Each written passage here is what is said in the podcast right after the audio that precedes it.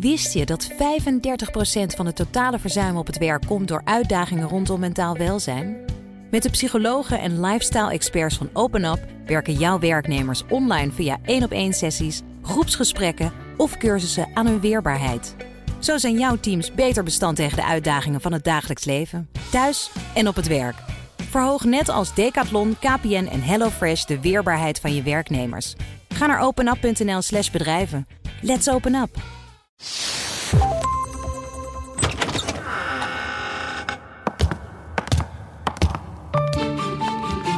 Project Binnenhof. Met Sophie van Leeuwen en Laurens Boven. De wandelgangen. Welkom bij Project Binnenhof. Deze week Ulko Jonker van het FD en ik op hoog bezoek. Het ministerie van Financiën, het kloppende hart van het, het Nederlandse geld. Ulko. Ja, ja, hier staat de schatkist, hè?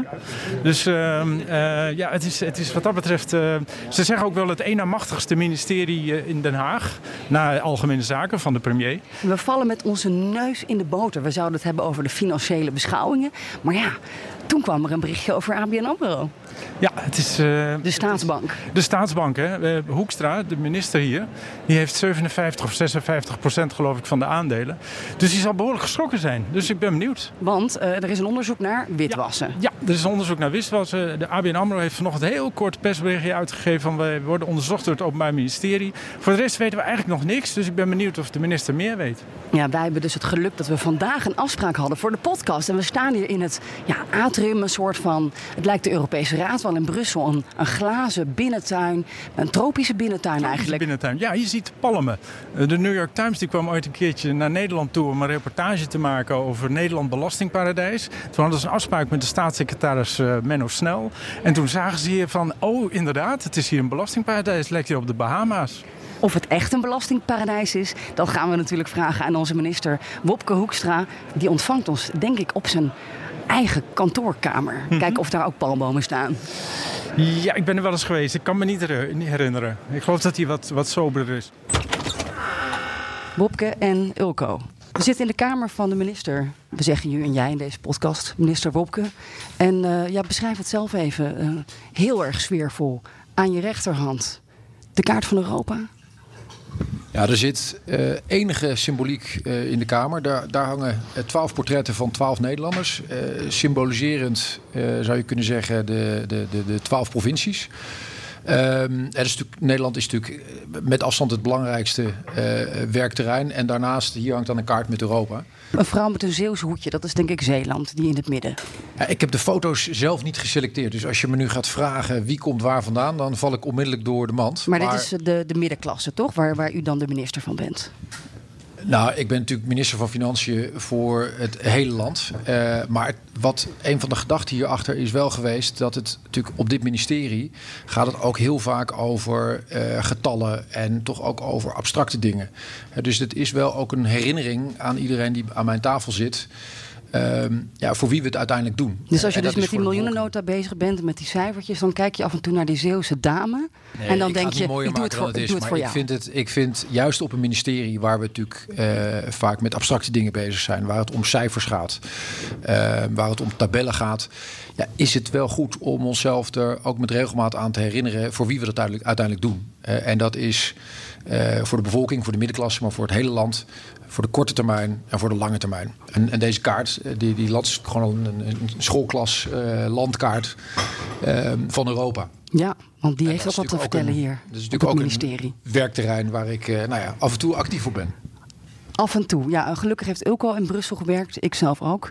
Dus we weten er wat van. Uh, hierachter nog familiefoto's. Dat is de CDA-familieman, denk ik. Die dat moet symboliseren. Nou, het zijn foto's van mijn eh, familie. Ik weet niet of ze dat label nou ook meteen eh, eh, zouden omarmen. Het zijn er wel heel Het zijn- veel. Eh, ja, er zijn, 20? het- het- die, je moet niet al die kinderen bij elkaar optellen. Want dan kom je denk ik op eh, een stuk of 27 kinderen. Het zijn, het zijn vier kinderen en, eh en Lieselot. Hey Ilko, het nieuws van de dag. Hè? Wat, wat viel jou vandaag op in de kranten? Nou ja, ik werd vanochtend om, uh, om acht uur uh, al onder de douche vandaag gebeld uh, over ABN AMRO natuurlijk. Ehm, dat is even schrikken, denk ik, ook voor u. Of voor jou. Voorzitter, vanmorgen liet ABN AMRO weten dat het Openbaar Ministerie onderzoek zal doen naar de naleving van de WWFT, de Wet ter Bestrijding van Witwassen en Terrorismebestrijding, uh, financiering. De VVD maakt zich zorgen over deze ontwikkelingen en wil graag een debat met de minister van Financiën, voorafgegaan door een brief. Ja, het is natuurlijk zorgelijk. Het Openbaar Ministerie heeft aangegeven onderzoek te willen doen. Uh, dus uh, dat is zorgelijk. Uh, dat laat ook weer zien nou ja, hoe, hoeveel we nog te doen en te gaan hebben op het gebied van witwassen als samenleving. Wat wisten jullie hier trouwens van, van ABN? Waren jullie op de hoogte? Want gisteravond hoorde de bank het zelf pas. Ja, ik ben hier kort van tevoren over geïnformeerd. Maar dit is natuurlijk. Uh, het, het, OM uh, valt niet onder mijn verantwoordelijkheid. Uh, dus ik word over zoiets kort van tevoren geïnformeerd. Dat ik niet helemaal ook om. s ochtends vroeg onder de, onder de douche wordt gebeld. Maar ik heb daar verder geen bemoeienis mee. Het is natuurlijk wel een staatsbank. Dus dat moet toch een beetje pijnlijk zijn hier op het ministerie. dat er gesproken wordt over witwassen naar uw eigen bank. Nou, eerlijk gezegd vind ik uh, witwassen in de volle breedte natuurlijk een groot probleem. Want dat, dat, dat, dat, dat, dat witwassen waar, waar miljarden en miljarden in omgaan, uh, uh, helaas in Nederland, dat is uh, een probleem wat echt veel breder is dan alleen maar de bankensector en mijn portefeuille. Omdat dat probleem het vermogen heeft uh, de rechtsstaat te corrumperen en de samenleving aan te vreten. Kijk, over deze casus kan ik gewoon zeggen dat, dat, uh, dat het natuurlijk zorgelijk is. En dat ik het goed en verstandig vind dat ABN AMRO heeft aangegeven alle medewerking te willen verlenen. Maar ik wil verder niks over die zaak zeggen. Want dat is, dit, dit ligt nu bij het OM en daar moet het ook blijven. Zo hoort dat in een rechtsstaat. Wat, wat gebeurt er op zo'n moment? We zijn hier om een beetje in de wandelgangen te kijken. Wat gebeurt er op zo'n moment uh, op het ministerie? Crisisoverleg. We waren een beetje later hier omdat u in druk overleg was. Op, wat, wat, wat zijn dan de mechanismen die, uh, die, die van, van, kracht worden? Nee, dat, kijk, dat, dat, dat, dat ik wat uitloop, dat zegt meer over mijzelf. En met alle andere dingen die, ik mijn, die, die er nog deze ochtend in de agenda verstopt zaten. Ik bedoelde met name op de vraag niet van wat is hier nou precies aan de hand en, en wat wist u wanneer. Maar wel, ja, wat, wat, wat brengt dat teweeg op, een, op een ministerie? Uh, als er zoiets, wat toch een grote affaire was in ieder geval met ING. Daar heeft u behoorlijk persoonlijk ook in geïnterveneerd. En wat, wat, wat, wat gaat er dan op zo'n moment door zo'n ministerie? Nou, wat, wat het voor mij natuurlijk weer laat zien, is dat, uh, dat het probleem van witwassen, dat dat ja, dat dat echt een groot en niet te onderschatten hm. probleem is. En ik denk ook echt dat het eerlijk is om te zeggen dat dat nog een lange tijd uh, bij ons zal blijven in de samenleving. En dat ik vind dat we in de volle breedte, uh, vanzelfsprekend politie en justitie, uh, maar ook de bankensector, maar met medewerking ook vanuit de politiek, wat gaan doen om dit probleem echt met wortel en tak uit te roeien. Dat is ontzettend belangrijk, juist ook omdat. Um, ja, we de gedachte gelukkig inmiddels wel verlaten hebben. Um, dat dat een probleem is waar de samenleving geen last van zou hebben. Het tegenovergestelde is waar.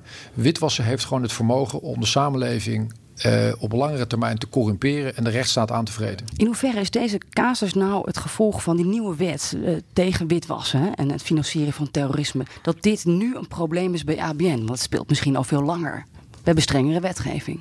Nou, de, de, Europese wetgeving trouwens, denk ik. Zeker, zeker. Dus, het, dus het, het, het plan van Grapperhaus en mij van voor de zomer... dat is natuurlijk nog niet in wetgeving omgezet. Daar zijn we op dit moment mee bezig. Het is wel zo dat we gelukkig uh, in Nederland en in Europa al een wat langere periode uh, een been aan het bijtrekken zijn op het gebied van witwassen. En dan ga je ook ja, meer dingen ontdekken. Ja, dus ook dankzij uh, druk vanuit Brussel worden wij iets minder dat belastingparadijs, wat we natuurlijk heel lang zijn geweest. Nou, ik denk dat we even moeten uitkijken dat we niet meerdere dingen op één hoop gooien. Ook al omdat in dat, op het gebied van het witwassen, en dat zal voor Grapperhaus precies hetzelfde zijn als voor mij. Ik heb zelf met veel internationale collega's gesproken over het grote belang om hier nationaal wat aan te doen, maar juist om er internationaal ook wat aan te doen, omdat dit een Europees, om niet te zeggen wereldwijd probleem is. dus we hebben hier in Nederland last van. We zijn hier in Nederland keihard mee aan de gang. Maar reken maar dat het in al die andere Europese lidstaten ook echt een groot probleem ja, is. Maar de ESB doet weinig. Hè? ESB gaat voorlopig niks doen. Dus het ligt op het bordje van de ministerie van Financiën vandaag, toch? Dus Nou, het nu is het nog even op- uw probleem. Nou, ik, ik, ik, ik denk echt dat dat, dat, dat te kort door de bocht is. Eh, ik, ik ben echt zeer gemotiveerd. En het hele kabinet, Grapperhaus voorop, is zeer gemotiveerd om hier wat aan te doen. Maar je moet gewoon erkennen dat op het moment dat eh, criminelen en geldstromen zich niks aantrekken van landengrenzen, ja, dat je in Nederland wel je fair share kan doen, maar ook er een hele belangrijke Europese en globale component aan dit probleem zit. En dat we dus ook daar de middelen ten volle zullen moeten benutten. De heer Azarkan. Ja, namens voor- Denk. Dank voorzitter. We hebben gezien vorig jaar bij ING wat dat eh, voor een torenhoge boete heeft eh, geëist. Het gaat waarschijnlijk over de compliance. Eh, we hebben ook gezien dat vanmorgen die beurskoers al 9% lager is geworden. Dus we zijn 800 miljoen armer als eh, staat. Eh desalniettemin ook gewoon vanuit integriteit, vanuit Dus- naleving van de regels, Ja. steun Ja. voor dit debat. Ja. koers van ABN is ingestort vanochtend. Dus, eh, is dat nog eh, voor de grootste aandeelhouder een, eh, ook, een, ook een schrikbeeld? Nee, u weet dat ik op geen enkel moment eh, commentaar geef op, op, op, op de koers of over eh, wat we wel of niet van plan zijn. Dat, dat is niet verstandig. Eh, net zoals ik ook eh, om andere redenen gewoon niks kan zeggen over deze specifieke zaak. Maar u bent niet een hele goede belegger gebleken als minister van Financiën. We hadden natuurlijk de KLM, hè, de Air France KLM-aandelen die instortten. En nu de ABN. Dus u moet toch iets aan uw beleggingsportefeuille gaan doen. Nou, denk ik ben, ik ben wel gefascineerd hoe u nou allemaal dingen op één hoop gooit. Eh, kijk, eh, maar laten we, dat, laten we die overstap meteen maken naar, eh, eh, naar Air France KLM. Het, het laatste waar het om, ons om te doen was, was het boeken van koerswinst. Het, het, dat, dat, het- daar ging het natuurlijk helemaal niet om. Het ging om het grote, grote belang eh, van het waarborgen van KLM. Eigenlijk zou je kunnen zeggen. Schiphol als hub. Ehm, de banen die daarmee gemoeid zijn, in directe en indirecte zin. Daar was het om ons om te doen. Dus ik zit niet als een belegger eh, elke twee dagen naar die koers te kijken. Integendeel. Maar, ja, maar daar horen we toch vandaag in de Kamer wel weer wat, wat klachten. Ja, dat, dat we toch niet genoeg invloed hebben. Hè? Wat- Wilco, wat- wat hoorde jij? Dat is natuurlijk, de, u heeft 750 miljoen uitgegeven. En het idee daarachter was toch van we kopen invloed. Zodat we de nationale belangen van Nederland binnen dat bedrijf beter kunnen eh, behartigen. En wat zien we daar nou van terug? Nou ja, ik denk dat we daar wel degelijk al wat van terugzien. Als ik ook luister naar wat degene aan die bestuurstafels daar eh, tegen mij over zeggen, maar ook wel in de media over hebben gezegd, is dat zij wel degelijk daar wat, eh, daar wat van merken. Tegelijkertijd zijn we heel goed en constructief eh, met de Fransen en de onderneming over een aantal onderwerpen in gesprek. Namelijk, wat voor vertegenwoordiging krijg je in de boord? Wat gaan we doen met die zogenaamde staatsgaranties, die er op dit moment, die er, die er aanvankelijk dus buitengewoon wankelmoedig uitzagen. Ehm, eh, wat gaan we doen met het, het hele palet eh, aan afspraken? Dus ik ben daar eerlijk gezegd eh, optimistisch over. En ik heb ook goede hoop dat we daar met de Fransen en met de onderneming uit zullen komen. En echt, dat is voor het lange termijn belang van de onderneming, van Schiphol en Nederland van heel groot belang. We moeten het toch even hebben over die bijnaam hè, van, van hem. Blokkeervries. Volgens mij had Klaas Dijkhoff hem bedacht. Ik, ik, volgens mij zijn er allerlei spindokters die altijd bijnamen proberen te verkopen aan de pers. Ik heb ook wel eens Dagobert Duck gehoord, vond ik ook een mooie. Eh, ja, en dat is, staat iedereen natuurlijk eh, volslagen vrij. En ik, ik lees dat vervolgens met groot genoegen bij jullie terug in de krant. Want Ja. je bent helemaal geen Fries. Eh, nee, ik ben niet de Fries en ik pas wel eh, zuinig op het geld. Eh, maar ik vind juist ook dat je, eh, ook als minister van Financiën, moet je af en toe een, een koopman kunnen zijn. Dus ja, eh, in het eerste kabinetsjaar, waarin we nog relatief dicht bij een staatsschuld van 60% zaten, eh, van de Raad van State te horen kregen: dit is wel een hele expansieve begroting. En ik wist dat het klimaatakkoord en het pensioenakkoord nog moesten komen. Ja, ben ik natuurlijk relatief zuinig geweest. Ik denk ook dat dat verstandig is. Want dat is uiteindelijk geld van de Nederlandse belastingbetaler. Dat geld is niet van de politiek. Ehm, en dat heeft ook de ruimte gegeven om wel wat extra geld eh, op tafel te leggen eh, bij het pensioenakkoord. eh, bij het klimaatakkoord. En dat geeft ook weer de ruimte om na te kunnen denken over dat investeringsplan voor de hele lange termijn. Dus ik vind dat echt ehm, in de afweging van de korte en de lange termijn, vind ik dat echt heel verstandig. AW wisten al hoor dat je geen blokkeervries bent. We zagen deze grafiek in de, in de MEF. Wat je hier ziet is een, eh, een lijn die eh, heel lang eh, eh, gelijk blijft. En die op welk moment, je ziet hem ineens omhoog schieten. Op welk moment ben jij minister geworden? Eh, de- meneer Jonker, ik denk dat u dit grafiekje wel even moet uitleggen aan, eh, aan de luisteraar. Want die kan niet eh, mee- meekijken. Maar volgens mij is het verwijt dat u mij probeert eh, te Geen maken. verwijt, geen geen verwijt. Dat, eh, dat, dat de collectieve uitgaven sinds overigens iets eerder, sinds 2016, aan het stijgen zijn. Sinds jij minister bent Nou. Er maar staat echt is 2017 hoor, niet 2016. Zeker, maar, maar, maar wetgeving wordt natuurlijk gemaakt voor een periode die ook later nog komt. Kijk, wat waar is en wat het grafiekje laat zien, en dat is natuurlijk wel degelijk een aandachtspunt, is dat we in Nederland relatief hele hoge collectieve uitgaven hebben. Ehm, en ja, tegelijkertijd, als je dan dat gaat afpellen, eh, dan willen we ook met elkaar meer investeren in onderwijs. Dan willen we meer met elkaar investeren in de volksgezondheid. Dan willen we met elkaar investeren in klimaat, in defensie, in politie, in al die onderwerpen. Maar de prijs die je daarvoor betaalt, ja, is wel relatief hoge collectieve lasten.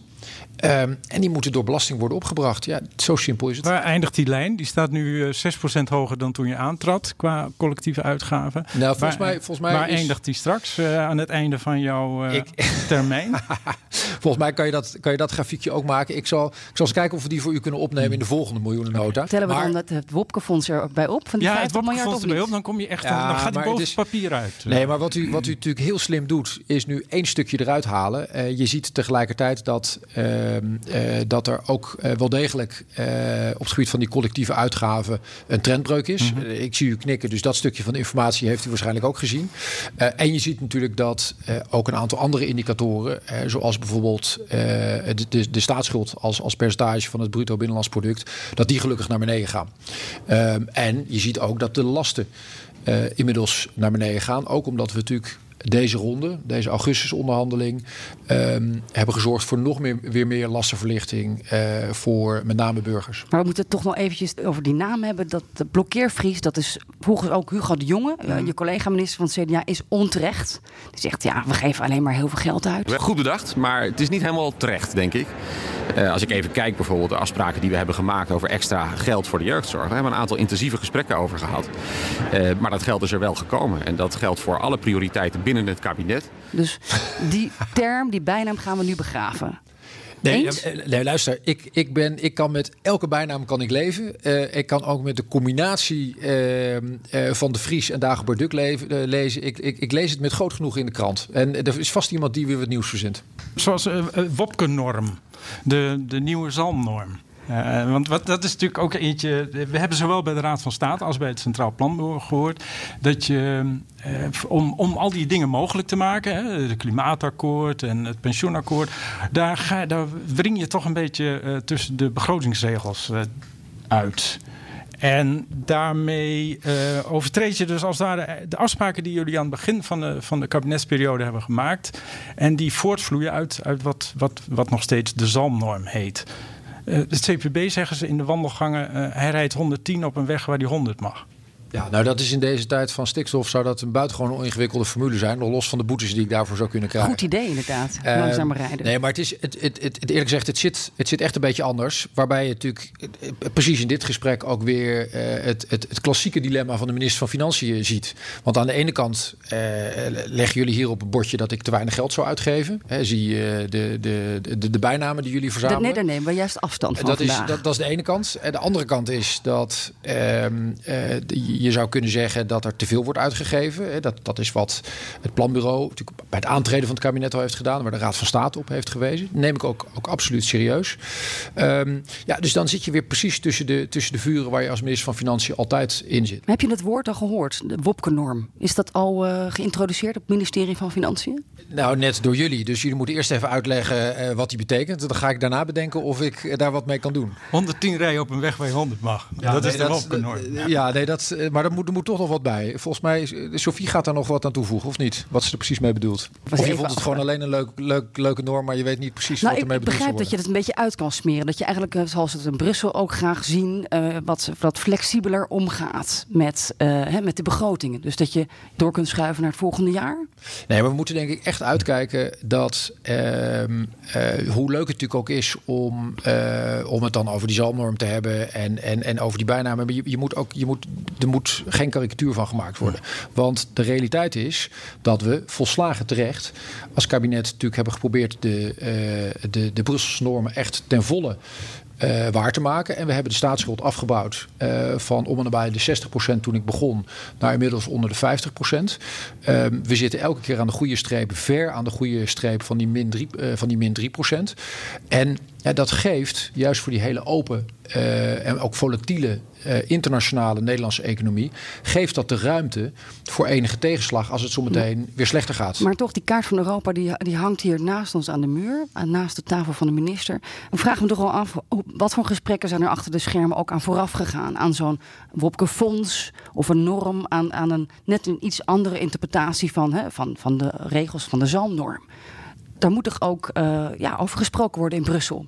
met jou en de collega's? Nou, eerlijk gezegd, het is, het is, het is eigenlijk door, door iets anders geïnspireerd. Het is geïnspireerd um, aan de ene kant uh, doordat we, het kabinet, uh, Wiebes, ik, met elkaar zien dat uh, niet op de korte termijn, maar op de de wat langere termijn, 20, 30 jaar, dan gaat onze economie en onze samenleving als gevolg van robotisering, artificial intelligence, technologische ontwikkelingen heel erg veranderen. Ja, dat was tijdens de Haardvuurt-sessies. En, en, en, dat is, en dat is um, uh, in een samenleving die aanzienlijk zal vergrijzen en die eigenlijk het in Europa best goed doet, economisch gezien, maar toch een, toch, toch een, niet, een niet echt hoog groeipercentage heeft. En dat, en dat is, ik denk dat dat een probleem is. Daaraan gekoppeld is die lage rente, die spaarders natuurlijk in de weg zit, die het lastig maakt voor pensioenfondsen, maar die vanuit de overheidsfinanciën ook echt een kans biedt. En als je die twee dingen op elkaar legt, legt ja, dan heb je de mogelijkheid om te kijken of je, mits je het natuurlijk verstandig doet, hè, dus de juiste projecten uit, uitzoekt, uh, de juiste criteria weet te formuleren, om dingen te doen die juist het groeivermogen van het land op de hele lange termijn weten te versterken. Nou, dat is moeilijk. Dat is voor de minister van Financiën ook best een beetje spannend. Hè, want wat nou als het niet lukt of de verkeerde projecten eh, blijken te zijn. We hebben nog geen idee waar het geld dus er zijn, gaat. Dus er zijn een heleboel waarborgen die je nog zou moeten inbouwen. Maar ik vind wel dat wij het eh, aan onszelf verplicht zijn om over het probleem en ook de kans echt na te denken. En als de rente stijgt? Kijk, als, het, als de rente, eh, maar ook bijvoorbeeld de inflatie eh, of de schuldpositie significant zou veranderen, ja, dan moet je natuurlijk ook weer de flexibiliteit hebben om dan het pas op de plaats te maken. Dus het ligt natuurlijk voor de hand dat we niet voor mijzelf. Eh, ik denk ook niet voor mijn opvolger, maar eh, voor de opvolger van mijn opvolger of degene die daarna komt, dat je natuurlijk um, momenten inbouwt om te kunnen heroverwegen. He, want ja, we hebben nu leven we in een wereld met, uh, met, met, met, met een negatieve rente, uh, met een hele matige inflatie uh, en met een hele aantrekkelijke schuldpositie, even vanuit de minister van Financiën geredeneerd. Maar het is geen gegeven dat dat altijd zo blijft.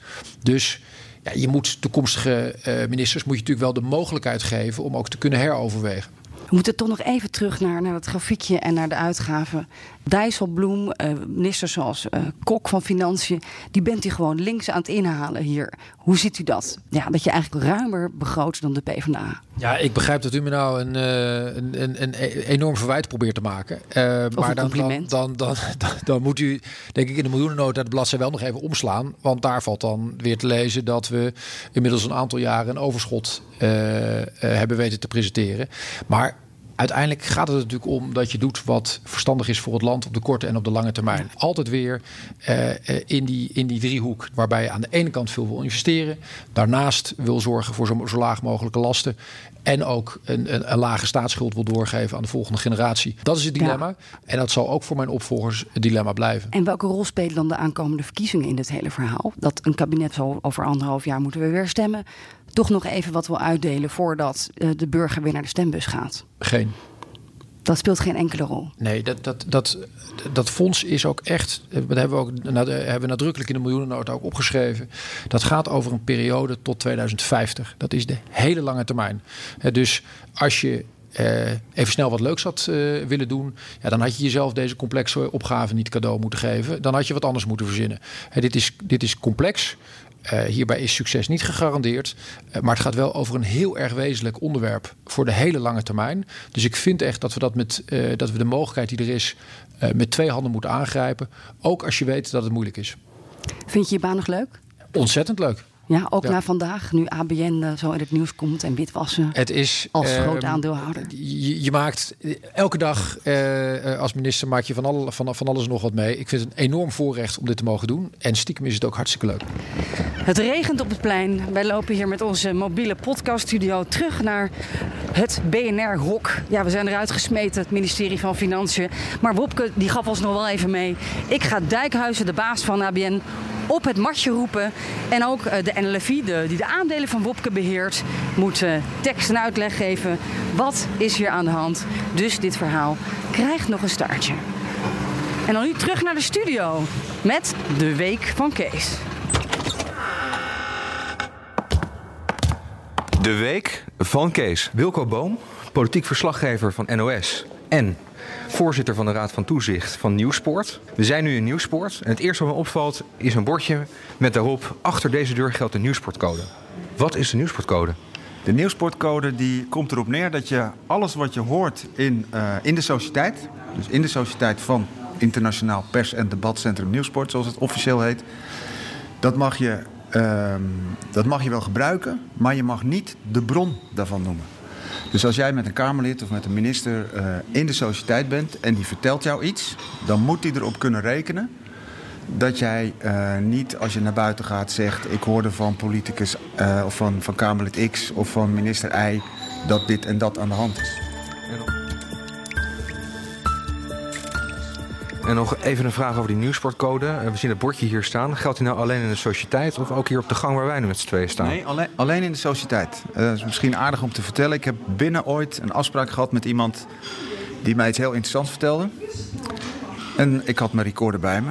Want ik werkte al voor de radio. En uh, ik zei, oké, zullen we even naar de gang gaan? En vertel je me dan nog een keer? Ja hoor, zei hij, dat is goed. En toen hebben we het gesprek op de gang, op opnieuw gedaan. En vervolgens de volgende dag uitgezonden. Woensdag werd uh, het rapport van de commissie Remkes, de stikstofcommissie, uh, hier gepresenteerd. Uh, elke vrijdag persconferentie van de minister-president. Waarom hier? Heeft dat met de nieuwsportcode te maken? Nee, dat heeft niks met de nieuwsportcode te maken. Want wat er in de zalen gebeurt, persconferenties, presentaties, die zijn juist wel helemaal openbaar. de persconferentie van de minister-president die is ook op NPO Politiek live te volgen. Dus daar is niks geheimzinnigs aan. Uh, en waarom is dat allemaal hier? Dat is in de loop van de afgelopen tientallen jaren zo gegroeid. Die persconferentie is ooit begonnen bij toenmalig premier Piet de Jong. Hij is nog niet zo lang geleden overleden. Die vond het vervelend dat hij op vrijdagavond altijd van de aardappels afgebeld werd... door de journalisten die hem persoonlijk kenden. En zei, nou laten we er maar een persconferentie van maken. En dat is toen terechtgekomen in Nieuwsport. De premier is daar ook officieel te gast bij de parlementaire persvereniging. En uh, ja, daar houdt hij dan dus die persconferentie. En, uh, maar, en dat is dus juist hartstikke openbaar. En datzelfde geldt voor alle persconferenties, presentaties van bedrijven, van politieke partijen uh, en ook van Johan Remkes. Het beeld als veel mensen van Nieuwsport hebben is dat een soort conctie van journalisten en lobbyisten en politici hier samenkomen en deeltjes sluiten. Ja, in de sigarenrook. Is dat nog steeds zo? Ja, was het maar waar. Was is het ooit zo geweest? Nou, ik denk in de eerste plaats dat het een beetje achterhaald is. Uh, vroeger was, uh, en dan heb ik het over tientallen jaren geleden, toen er hier ook veel meer werd gedronken dan tegenwoordig. Uh, was het toch vooral ja, een, een, way of living, voor, zowel voor journalisten als voor politici. Dus die kwamen ook in hun vrije tijd elkaar veel vaker tegen. Um, Tegenwoordig is het toch het, risico dat het, dat het te klef is, ligt nog altijd op de loer. Dat komt omdat je met z'n allen op een kleine oppervlakte werkt. De omgangsvormen zijn los. Uh, dus het gevaar bestaat dat, het, dat je te aardig wordt voor elkaar. En natuurlijk zijn er politici die deeltjes willen sluiten. Maar het is uiteindelijk dan de verantwoordelijkheid van journalisten om zich daarin te laten meeslepen. Of om ervoor te zorgen dat ze sterk genoeg in hun schoenen staan en dat niet te doen. Dank. De week van Kees. Project Binnenhof.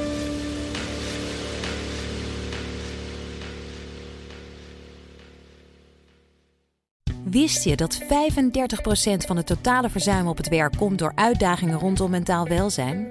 Met de psychologen en lifestyle-experts van OpenUp werken jouw werknemers online via één op één sessies, groepsgesprekken of cursussen aan hun weerbaarheid. Zo zijn jouw teams beter bestand tegen de uitdagingen van het dagelijks leven, thuis en op het werk. Verhoog net als Decathlon, KPN en HelloFresh de weerbaarheid van je werknemers. Ga naar openup.nl/slash bedrijven. Let's open up!